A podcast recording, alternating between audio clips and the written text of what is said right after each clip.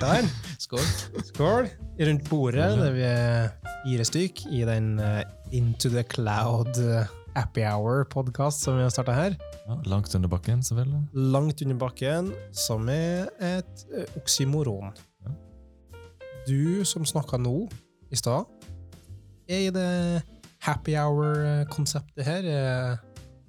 Har du lyst til å introdusere sjøl? Ja, da kan jeg Anders heter jeg. Uh, utvikler. .net, backend, stort sett. Litt frontend. Uh, ja. Vær så god, eh, Mikkel, da. Uh, ja, Hvem er du? jeg heter Mikkel. Jeg er, dansk, uh, så det kan jo bli utfordrende efter denne her happy hour. Jeg er også utvikler og arkitekt i Variant, og har en rolle, ekstra rolle som heter skysjef, øh, som innebærer at jeg prøver å holde meg ganske oppdatert på teknologi rundt sky, og deler litt av min, det jeg finner ut til de andre osv. Så, videre. så øh, altså, Java-utvikler. Uh, har vært Java-utvikler i veldig, veldig mange år, uh, så Java for life. Øh, men det skal jo så sies at jeg også øh, øh, jobber ganske mye med .NET, øh, og syns at begge plattformer er helt greie. Har du lyst til å sende stafettpinnen vi har? Ja, vær så god. Vær så god, Olav. Ja, jeg heter da eh, Olav. Um, jeg er da også utvikler, uh, backend primært. Eh, jeg, på Slack står det at jeg er en dataviter. Og det er fordi at jeg driver og jobber med data.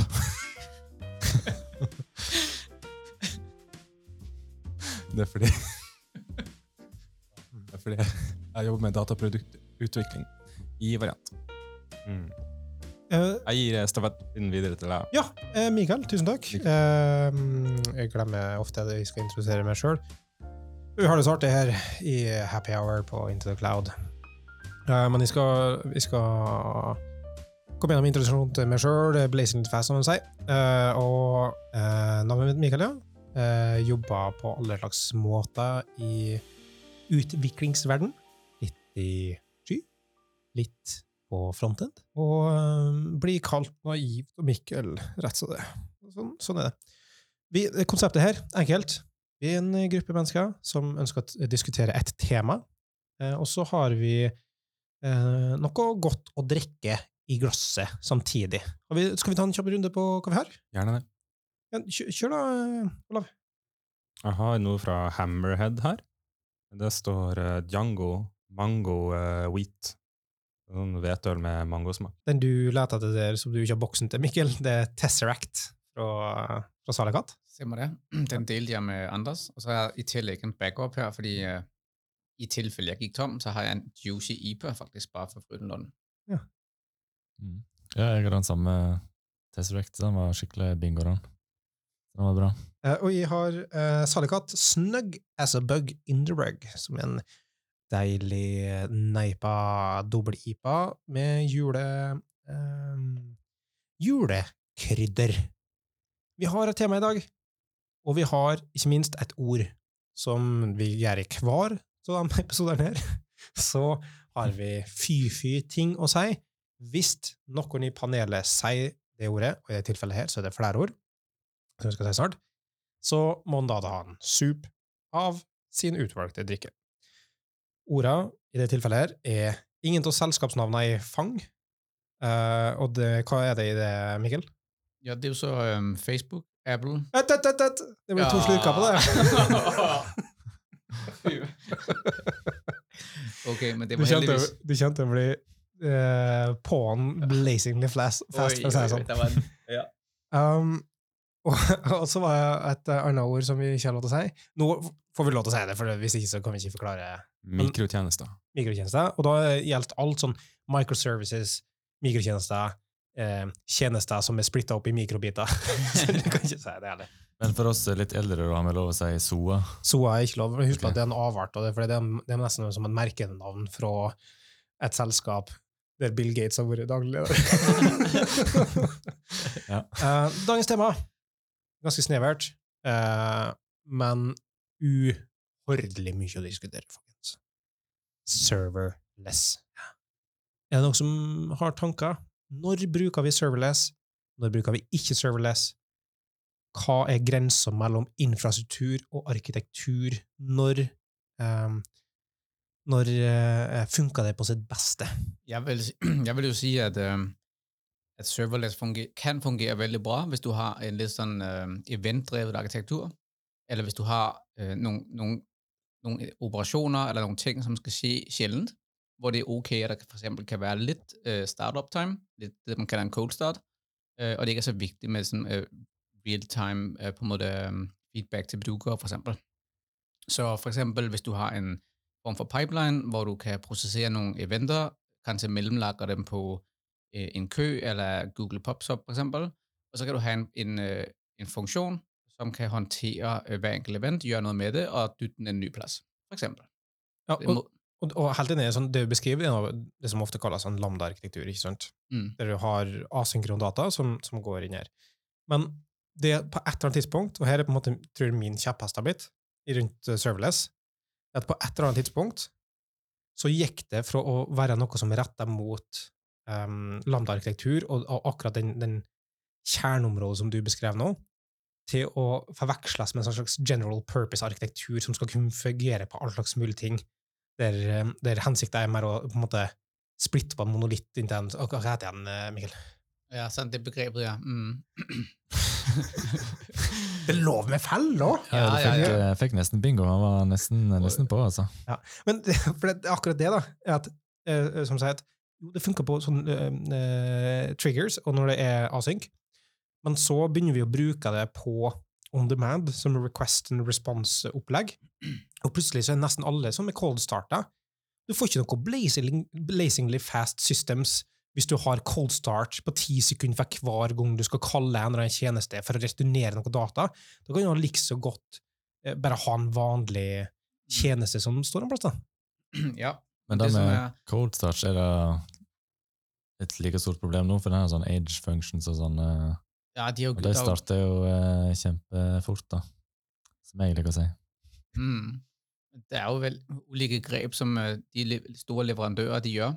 Som uh, for eksempel så har um, Cloudrun-tjenesten til en vis skyprodusent uh, nu muligheten for å booste CPU under oppstart. Så for eksempel så har du, du betaler bare for forbruk, når de antall sekunder, du har prosessering på request. Øh, og da har du kanskje bare én CPU, og du kan definere, hvor mye minne og så videre du vil have, men du kan definere, at du en CPU-boost akkurat på oppstart. Akkurat Den er sånn typisk- den her, eh, du vet, på de gamle PC-ene det var sånn eh, boost-knapp. eh, Ja, turbo. Ja. ja. Turbo, ja. Men, men Jo, men det er jo helt fair, det. Mange som har løst på en måte noe av det, og, og Edge Functions gjør sånne ting, og Asher Det er lov til å si. Er å. Ja, er. Asher har jo hatt på en måte hotstarts lenge, men de priser seg på en måte litt ut, gjerne. For at da, i det øyeblikket du skal ha hotstarting, for eksempel, så koster det mye mer, og det er nesten ingen som, som bruker det heller, da. Eh, og, og uansett så er det sånn, ja, Edge Functions CDN-kjørende eh, funksjoner som transformerer output, nei, transformerer input til en output på en måte der, kan være interessant, det, men um, det er jo igjen en special case-scenario i mange tilfeller, da. Føler jeg. Du kan ikke flytte restgrensesnittet ditt opp i en edge function. Nei, du kan ikke Ja, altså, de har jo forsøgt å gjøre det, for eksempel på um, ja, uh, en viss produsent, som har for eksempel API øh, Gateway, um, hvor det på en måte, de, de fleste dine operasjoner blir kjørt i lambda-funksjoner. Mm. Altså lambda-functions på nevnte produsent. AVS kan du si. Ja, hva er det? Ja, okay. ja, ja, det er sant. Det er det samme som Azure, på en måte, men du kan ikke si hvem som Nei. lager produktet. Nei, for det er Google, det. Du kan ikke si kan ikke si hvem sine web-services er det, nei. det, er jo lov at drikke lidt. Men øh, det jeg skulle si, det var, at også i litt eldre dager, hvor man fortsatt lagde monolitter, eller lagde en, lad oss si du lagde en liten tjeneste, eller en applikasjon der kjørte på Heroku, en plattform as a service, øh, så har du en web-applikation for eksempel, i for eksempel Java, .NET, eller whatever. Men husk, Java for life. Øhm, der, har du ofte sånn at du ikke har lyst til å gjøre eksempel tunge kall in-memory på den dyno, som det heter. Så lad oss si du har en webapplikasjon, du har server, uh, server request til kunder, og så har du kanskje en rapportjob, eller kanskje du har en job, som henter et bilde, processerer det, lager thumbnails og lager en annen plass. Det er sånne ting, jeg synes kan være et godt use case for en lambda-funktion, eller en, en, en serverless på en måte arkitektur, hvor du så kaller det API, øh, og så dispatcher du på en måte jobben til, til en, en worker, fordi der er en worker, som så lytter, eller som implementerer og gjør den Mm. funksjonen, i en lambda for eksempel, og, og legger resultatet en plass i en database, eller en øh, S3, eller type ja, blob storage. Hvis, hvis du har en retta arkitektur, så Mm. syns jeg at, eh, at det kan være utrolig eh, fint, på en måte. Det, noe sånn utrullingsmekanismer og sånne ting som gjør det litt, litt, litt merknotet, men det får vi verktøy for som håndterer ganske greit med, med oss. Men, så det har blitt bedre. Men um, Men uh, hvis en for eksempel er i um, Azure, da, for eksempel, og Office og e-post og Altså hvis en bruker Outlook eller ja, mhm, AD, så er det jo veldig lett å få Hvis du bare har en kodesnutt som skal snurre når en e-post kommer på en konto, Ja. eller noe sånt, så det er kjempelett å få til med en, med serverless function. Du er det bare liksom å trykke ny funksjon, og så koble sammen noen bokser, og så absolutt. skrive ti linjer med javascript hvis du har et eller annet Men det er et par mønster som det et par mønster Det funka for de caserne. Funka kjempebra. Så er det et par mønster, arkitektoniske mønster som blir um, eksponentielt mer komplisert å få til på en god måte når du allerede har valgt den arkitekturen. på en måte. Eh, Du har måter å mitigere det på. Fan in, fan out med durable functions i Asher, for eksempel, er en måte for å Ja. samle inn og, og samle ut. Du har um, PubSub som har spesifikke ting som gjør at du kan ha persistent queues, som gjør at du håndterer det, osv. Men det som er fortsatt vanskelig, er å få til du, ok, Greit nok, du, du tar et valg på et eller annet tidspunkt, at eventual consistency og liksom sånn eh, Jeg vet ikke hvordan jeg skal beskrive det, men overall liksom base-tankegang for arkitekturen din. Du skjønner hva jeg mener? Mhm. Um, men så plutselig så er du avhengig av noe som skal skje i en form for concurrency, eller sånn um, Noe som skal være avhengig av noe annet for at det skal kunne fungere, som plutselig blir vanskeligere når du har bygd opp alt rundt asynkron natur, da, på et vis. Mm. Så har du jo kanskje ikke bygd det heller, på en måte. Du har bare Ja. Eh, det sammen Ja, nettopp. spagetti og kjøttboller. Ja. ja, det er akkurat det. Ja, for, for hvordan, eh, Olav, hvordan vil dette fungere i, sånn, i din kjerneområde som er dataproduktutvikling? Um, hvor, hvor, hvordan passer serverless inn i, i det landskapet? Ja, det jeg tenker er at uh, veldig fort når man skal preprosessere og postprosessere um, data, eller bare data som går inn og ut, fra en, uh, um, en data lake, eksempel, så vil det være veldig nyttig. Eh, for det kan være at det skjer um, i hytt og pinne, eh, og da trenger man ikke ha noe som står og går hele tida. Da kan man eh, ja, spinne opp funksjoner eh, når man får inn uh, f.eks. dagens eh, data fra, fra Vegvesenet. Ja, og det er nyttig i fagfeltet. Ja, i data- og produktutvikling så vil jeg tro det, det er det. Men er det noe vi bruker, altså, mm, I hva stor grad brukes det i, um, i, i, i, i datasammenheng? Altså, jeg, jeg føler ofte at det, som regel jeg har sett i sånne store mengder, så har vi mer, liksom, da er det mer containers og sånt som blir brukt, og ikke nødvendigvis Mm. serverless på et vis. Mhm. Um, men er det, er det noen forskjell på det? på? Ja, altså nå forstår jeg ikke helt hva du Den store, den store eh, diskusjonen går tilbake eh, sju-åtte år? Nei, fem år. Mikkel, hvor mange år skal vi gå tilbake? Men hva er det vi Nei, Serverless på? versus containers, Og eh, på en sånn, måte. ja, ja. Jo, man kan si at uh, serverless starter på et eller annet vis kanskje med AWS Lambda, tilbake i, jeg husker ikke når det kom. Uh, men nå er det jo for eksempel uh, andre serverless-tjenester, både på Azure og uh, GCP, som, uh, hvor det er faktisk en Docker-container du spinner opp, som er din function. Uh, og så kom AWS Lambda også med custom runtimes på et tidspunkt, der gjør at du i praksis kunne uh, modifisere den stack, som din function kjørte på. Og det er jo i praksis under overflaten også en form for Docker-container, et eller annet Azure, øh, sånn at du kan pakke med eksempel custom-biblioteker osv. Um, men bare for, bare for å vende tilbake litt til det som vi snakker om med, med Olav og, og hva det, functions, eller eventdrevet utvikling for data, pipeline skal vi kalle det kanskje, under, i dataproduktudvikling, så kanskje du har en form for pipeline fra en, en data lake, kanskje det kommer noe data inn i en blob uh, storage en plass under en eller annen viss path, så kan du ha en, uh, en uh, eventlistner som binder til det og, og gjør noen ting med dataene. Og kanskje pop, pusher dem videre på en kø en art, eller på øh, ja, noe sånt. Men Mm. øh, Jeg er litt usikker på, jeg tror, det avhenger av hvor, hvor, hvor mye buy-in du har på det sygeprodukt, du bruker, tror jeg, og hvor mye du benytter deg av type event, øh, af det at, å at hooke op ting i Azure for eksempel, øh, med hverandre med eventlisten, som invoker function, som gjør nye ting, versus det at syre en, som du siger, en container, eller syre et eller andet form for kode, custom kode for eksempel, Mm. eller om du syrer type Spark, øh, eller Hadoop, eller den typen jobber. det er lidt sådan Mm. veldig traditionelt forskellige ting, måder at gøre det på. Øh, for eksempel på GCP, der har jeg brugt en del øh, Apache Beam, som også mm. er en sådan, øh, den støtter både streaming og batching, og der har du ikke noen serverless function, for eksempel. Men der deployer du kode i en container, en faktisk virtual maskin, som så processerer. Men ulempen med det, det er, hvis du har veldig uregelmæssige data, hvis, det, hvis, din strøm av data ikke er konstant, og du kun noen ganger trænger ressourcerne, så er det veldig dumt å ha en virtual maskin sørende og ta opp ressourcer som minde og ram, også ut fra et bærekraftperspektiv og klima Mm. og så videre, egentlig, hvis man skal ta tage den så langt. Ja, eh, og dere har en interessant diskusjon. Eh, Jeg var på LinkedIn senest i går. LinkedIn, Alle vet at LinkedIn er nye Twitter. Er Eh, det lov å si, forresten? Ja, men jeg kan ikke si det er hva slags selskap som står bak Jamen, ikke sånn tenker jeg, men det er ikke en del av Jeg tænker, det er jo også et sånn stort selskap som... Ja, de er eid av tidligere Steve Ballmer. Ja, ja. Det, det er det samme som er jammer, for de som Ja, jammer. Ja, for jeg, for, eh, ja, jammer er nye Twitter. Um, nei, men jeg, jeg- jeg mener at sånn eh, arkitektur er den største driveren for, um, for bærekraft. da. Uh, i, i, ikke programmeringsspråk, for eksempel, men arkitekturen som du velger, er den største driveren. Uh, og serverless spiller litt inn i det. For Ja. Hvis vi automatisk går inn og bruker serverless som en kompensasjon for Jeg har så lyst til å si et ord som er å splitte opp en monolitt i flere små bestanddeler um, som å bruke det som et grep for det, på en måte, så har vi plutselig fått mye større implikasjoner på, på avtrykket og klimaavtrykket på, på koden vår enn vi Mm. skulle gjort ellers. da. Så på et vis kan man si det, det er mye mer effektivt utnyttelse. Ofte er det mer effektivt å ha ting kjørende. Um, altså flere ting samler på en VM eller et, i et Docker-image.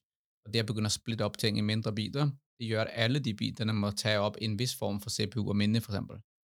Øhm, og der kan det være veldig smart, hvis man gjør det, splitter opp ting, øh, og så faktisk sørger for, at ting ikke søger unødvendigt. Så det kun søger, når de faktisk processerer, øh, for eksempel data eller events, eller user requests. Men der har du den cold start-problematik. Men, men du, har- du har cold start i flere flere ting uten at du uh, vet det, sånn som Cloud Run, det som er enkelt å spinne opp, så plutselig har du cold starts der Ja. så ja, det det brer seg overalt. Ja, det gjør det. Um, men jeg har litt lyst til å ta en annen retning og, og snakke om uh, Bruker vi um, Er det alle som har serverless i den, i den systemet som de jobber på i dag? Akkurat nå, altså med det, det, det oppdraget som vi er i? Absolutt ikke. Mikkel? Uh, nei, egentlig ikke. Men vi benytter...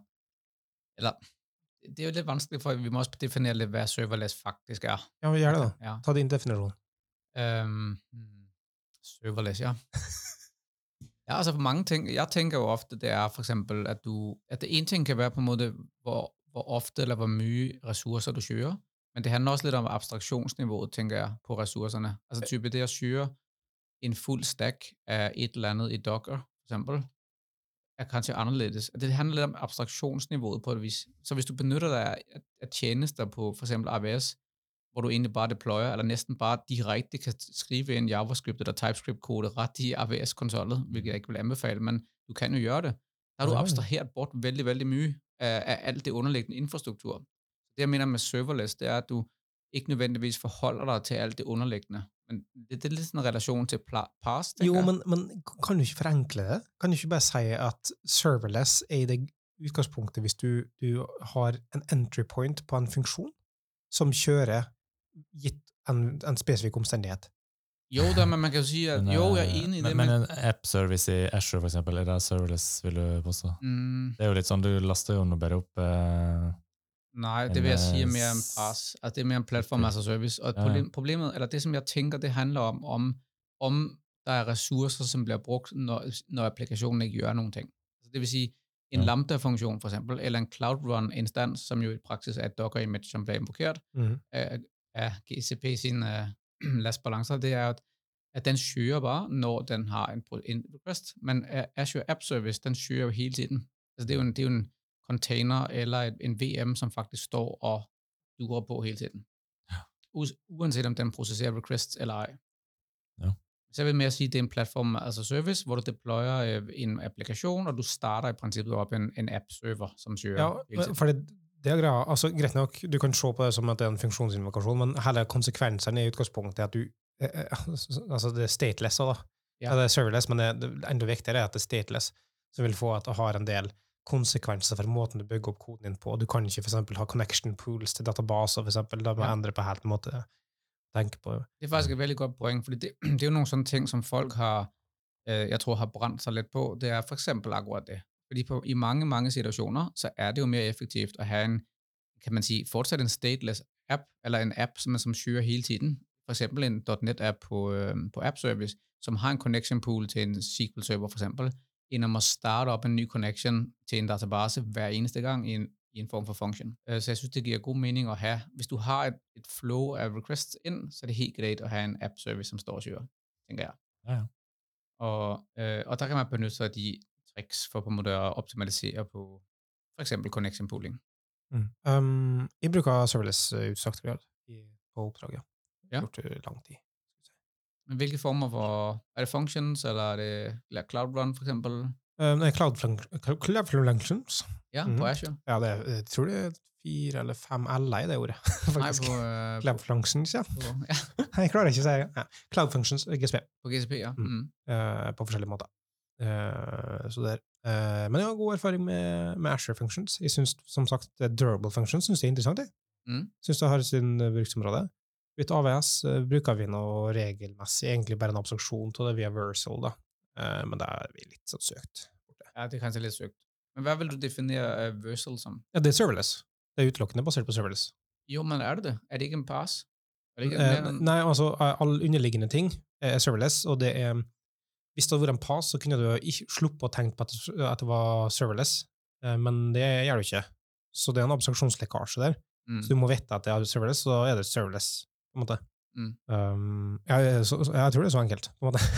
Ja. Um, men, men, men felles for det, på en måte, du, du kan absolutt oppnå liksom, en, Jeg er ekstremt opptatt av det vi må fokusere på, er blazingly fast systems.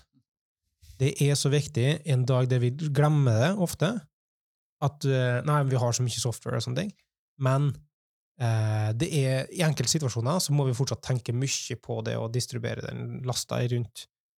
Um, så det, det, det vil si. Ja. Um, jeg har lyst til en annen ting, spørsmål, og det er siste før vi avslutter, tror jeg, eh, og det er hva slags provider, eh, og fra hva slags selskap, nei, hva, hva slags eh, provider er um, eh, vært mest fornøyd med eh, developer experience-messig, performance-messig og liksom ergonomimessig da, når det kommer til serverless. Hva vil du anbefale? Olav, har du noen tanker? Jeg syns eh, det er veldig greit med containere eh, fra forskjellige providers, så jeg bare holder meg til eh, det. Eh, Da har jeg egentlig ikke så mye å si, annet enn at jeg liker Linux-maskiner. Bare installer dere og gjør akkurat det jeg vil. Mm. Det er ikke akkurat serverless. Jeg har brukt uh, er det Cloudflare Workers en del, eh, Ja. på hobbybasis, da, må jeg nevne. Men uh, Cloudflare Workers og Durable Objects, liksom, det er liksom superenkelt, da. Du bare skriver til et objekt, du tenker ikke på at uh, Ja, det bare, du bare behandler det som et vanlig objekt, og så blir det bare persisert globalt. Ja, Det er liksom helt durable, uh, tullete. for durable object er litt sånn som Java RSI er det, på en måte. Men det er litt sånn uh, som uh, Ja, som eh, .NET og Java prøvde seg på for uh, 20 Ja, for det det, år siden, og tryna brutalt. Ja, men det er så mye bestandig sier Java for life. ja. ja, ja. Ja, det er akkurat det samme, jeg sier. Men hva, hva, er det, du sier hvad sagde du? Det samme som Java... Hva sier du? Nei, altså .NET og Java prøvde å liksom ha sånne internet, server eh, Ja, remote eh, sånne objekt som var koblet til internett og automatisk Remote ble, eh, invocation. Ja, ja, ja. RMI, Som-. Automatisk ble laget RMI sånn. var kanskje RSI? Ja, RMI, ja. Ja, men hadde ikke RSI objekt òg. Nei, nei, RMI kanskje. RMI heter det. Ja, Remote method. Men det er det samme som Ja. i tidligere dager på .NET, da har de jo det der Ole... Ja, Ole-greiene. Ja, ja, Ja. det er, distribuer- Distribuerte objekter, ja. ja. Men- men det super- er en uh, implementasjon som faktisk funker, da, og Ja. er veldig ergonomisk. Er liksom, ja, Så det er jo prinsippet remote procedure. Det er jo RPC, egentlig. Nei, det er ikke RPC, det er et objekt. Altså det er en datalagringsmekanisme. Så du bare oppdaterer objektet ditt, og så blir det Oh. magisk uh, persistert uh, Ja.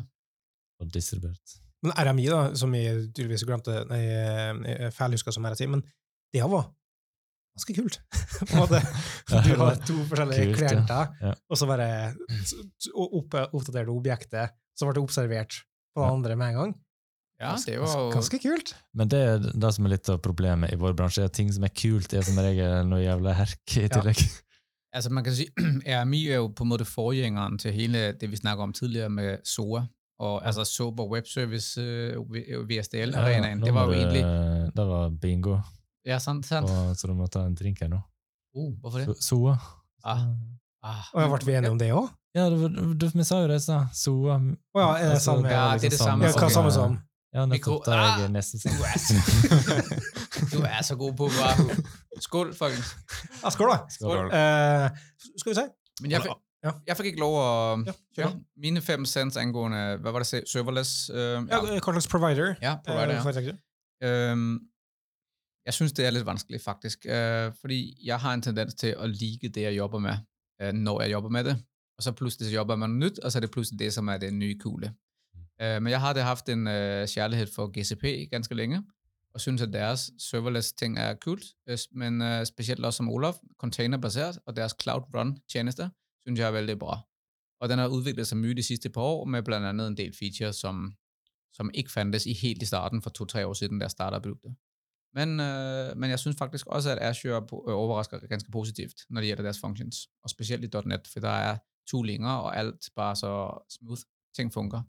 Er Interessant, for jeg har gått stikk motsatt. Altså, jeg, jeg måte spurte meg for tre år siden, så har jeg sagt at Asher, jeg syns det funka bra. Altså. Jeg syns Asher er godt med tooling, de har noen interessante konsepter. Og så begynte jeg med GCP. Det er ikke noe særlig. Alt skal hete cloud, et eller annet, og det er vanskelig å vite hva navnet på tjenesten er, for alt er så likt, Ja, uh, og, og det er så komplisert. på en måte. det. Men nå det skal bra, altså. det er ganske bra. Og det, som er cool, det er, det er et litt mindre utvalg. Jeg synes, at du, du nevnte selv øh, ergonomi og developer experience, og jeg synes, at på Google... Skål. Ja, du tar det sjøl, i hvert fall. ja.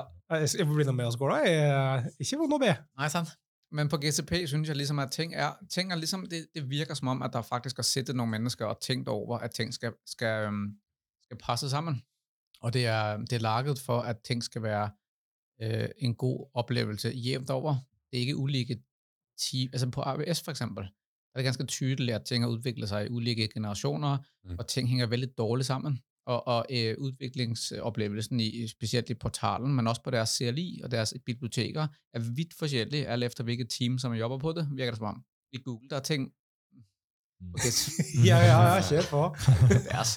Men der er, Men Ja. det, fin, det finnes jo ei egen nettside som er kun laga for å forklare navnet til diverse AVS, eh, eller til alle AVS-servicene. Ja, for AVS kan vi alle være enige om at ja, tjenesten her er på, bra på lavnivå, på en måte. mm, Du har mye muligheter, men ergonomi Nei, Sånn Elastic sånn. Beanstalk, du klarer ikke å gjette det fram til hva, det er, Nei, liksom, S3 hva du kan da. bruke den til. Hva er S3 for noe? S3, ja. Mm. Ja. simple storage service. Men jeg er enig. Øh, altså, S3, det, det, jeg vet da hva det er! Ja, selvfølgelig, selvfølgelig, selvfølgelig gjør du det, men, um, Nei da, men det er enig, det. de har mange, ja, ting er litt sånn uh, diff-fragmenteret på en måte, kan man si. Ja, Men jeg, jeg tror det er ganske bra. da. Det, det er heter functions, liksom. Det Mm. sånn, eh, ja. Jeg sitter her egentlig med sånn inntrykk at uh, i morgen skal jeg våkne med en sånn fantastisk eh, overbevisning om at serverless er nydelig og best, og at jeg har levd under en stein i mange år. Nei, men altså, serverless her, altså, Det er mange tilfeller, eller det er en del tilfeller der serverless ikke funker. si. Mm. Men det er utrolig Når du, når du treffer på en måte der abstraksjonen i seg sjøl funker, så er det utrolig et, et ekstremt interessant arkitektonisk mønster, da. Som, som, som er absolutt verdt å ha i, i Batman-beltet sitt. I verktøykassa. Ja, jeg bruker belte, for det er så mye enklere å få til, fram Ja, har ja. liksom på hofta. Serverless. Men eh, på en eh, tidligere eh, arbeidsplass så drev jeg lekte med meg sånn Google Assistant-implementasjon. Mm. Og det er jo sånn serverless-opplegg. Du kan skrive sånne funksjoner som blir tatt imot av eh, ja, og registrere sånn keywords og sånn i Assistant. Så det var en kjempekul eh, måte å bruke serverless på. da. Ja, det er jo egentlig også en, god idé, for det er jo på en måte også litt sånn uh, event-drevet, kan man si. Noen Ja. sender en melding, spør om et eller annet, og så blir det trigger en function, og så er du ferdig. Du trenger ikke en server som står og Ja. for å prosessere dem. Så ofte veldig enkle ting. Sånn, ja, kan være vanskelige ting, men i mitt tilfelle var det ganske enkelt. Ja. Ja, men det er et godt poeng. Jeg har et lite spørsmål. Eh, Hvis man skal ha ting som er on-prem, og eh, dataen er veldig sånn eh, er litt kritisk, man får ikke lov å sende ut av landet og den type ting, men har fortsatt lyst til å gjøre serverless, har man noen gode løsninger da? Eh, jeg vet ikke. Jeg ville sagt nei, da, men jeg har, ikke, jeg har egentlig ikke peiling. Men eh, jeg- går ikke vinninga litt opp i spinningen? da? Altså, der du får ut av serverless, er jo den abstraksjonen, at det liksom er enkelt å registrere en Ja, enkel funksjon. Men når du må sette opp hele det kostebinderiet sjøl, Og du får en automatisk Så lenge du følger arkitekturen, så vil det i praksis få en automatisk uendelig skalering. Ja, nettopp. Og det poenget forsvinner nå hvis du kjører det utelukkende Mm. lokalt. Ja, for det er jo det er faktisk en ting, vi ikke har snakket så mye om. Det er akkurat det du nevner nå, Michael. Det er øh, skalering av serverless functions. På en måte uansett hvilket, hvor det kjører, Mm. så er det i utgangspunktet øh, at du har masse ressurser tilgjengelig. Du vet kanskje ikke, hvor mye last du har, så du kan starte med, øh, du har fem invokeringer per whatever, sekund eller per minutt, og så plutselig har du kanskje 100 000, og det, kan, det skalerer jo på de store skyleverandører, der, der bare der det. Men hvis du kjører on-prem, der har du uansett et, et visst antall ressurser. du har noen maskiner, noe CPU og minne, og da, du kan ikke skalere utover det. Mm. Øh, men jeg tror fortsatt at det er noen muligheter for å gjøre det lokalt. Blant annet har GCP jo det de heter Anthos, så du kan øh, du kan faktisk kjøre Google sitt øh, Kubernetes-oppsett lokalt øh, i dit datasenter, hvis du vil. Øh, det, deres, kan man si, det er jo ikke et on-prem direkte, men det er mer sånn hybrid cloud. Ja, men er ikke, ikke poenget der emulering for kjøring av integrasjonstester og sånne ting, eller er det faktisk å Nei, du kjøre kan det? kjøre øh, hele. Ja, Ok. og Azure har også det Azure er en sånn satsing der du kan kjøpe Jeg tror du kjøper et helt sånn rack fra Ja. Del Dell, eller en sånn godkjent leverandør fra, fra Azure. da. Mm. Og så får du Hva slags leverandører da, på en måte? Har du et eksempel? Nei, jeg tror det vet jeg sånn, jeg. Det er de som la- det er jo langt utenfor mitt, jeg er litt lenger oppe i abstraksjonene enn. Mm. Men uh, sånn del og HP lager sånn ferdig rack, og så Ja. kjøper du, og så installerer du sånn Azure Stack. Azure Stack, ja. Azure Stack. Du kan faktisk, det er ganske Og da cool, får du faktisk. da inne på ditt datasenter en liten sånn mini-Azure. Mini Azure, ja. Så du, og da kan du faktisk gjøre det sånn altså du kan velge hvilke ressurser, hvilke data som skal få lov å øh, lagres on-prem, og hvilke data som skal sendes til Azure i skyen.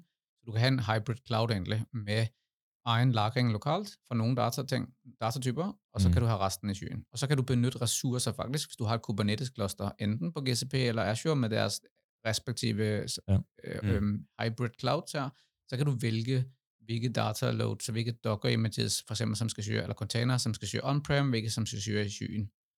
Er det Men- ment å være en um, konkurrent til OpenShift, eller? Ja, altså OpenShift er jo, det kan du jo kjøre, det er jo faktisk en ting, jeg skulle til å nevne. Du kan jo kjøre OpenShift eller Kubernetes lokalt i ditt, i ditt datacenter, og så tror jeg faktisk, at, jeg husker ikke, men jeg tror, at serverless, altså det framework, som heter serverless, som jo er en form for abstraksjon på toppen av flere skyprodusenter, det vil du også kunne kjøre bare på et lokalt Kubernetes-cluster, jeg tro, uden å være helt sikker. Så du kan på en måte benytte den function-programmeringsmodellen også lokalt. Ja. Eller du kan skjule små ting i Docker images, I, eller containers heter det vel egentlig. Du skjuler jo ting i en container, ikke et image. jeg må nyse, så da er det på tide å avslutte. Det er alarmen jeg har satt på for meg Ja. sjøl. Er det noen som har lyst til å si noe avsluttende ord?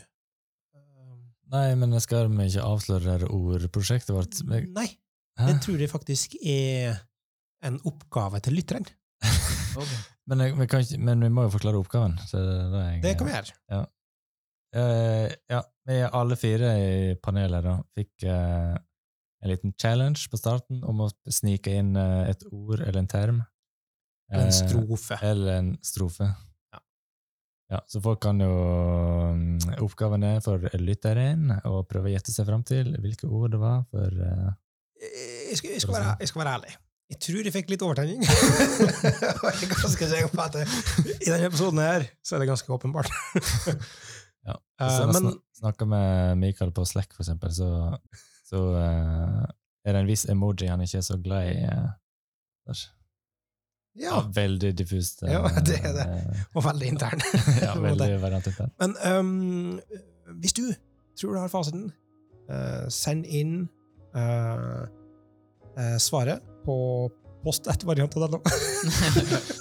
Rett inn i AD etterpå. Da får du, da får du eh, Hvis du har eh, rett på alle fire, så eh, får du kontorrekvisitter av ditt valg. så bare eh, send, send post-it med navn og adresse, så skal vi sende kontorrekvisitter til deg. Ja, det er greit, det. Ja, det, Ja, ja. det er greit for meg. Um, noe som har avsluttende ord. Uh, jeg tror for eksempel at Java for live. Nei, det er det! Ja, det er velvalgte ord til slutt. Bortsett fra det, så det er jo ikke Java lenger til video. Det er jo, det er jo Kotlin nå som er Så ja. Ja, ja. Mm. Men nei, det, har ikke noen avsluttende ord annet enn takk for praten. Det var hyggelig. Og, um, Hyggelig. Skål, da! Skål, ja.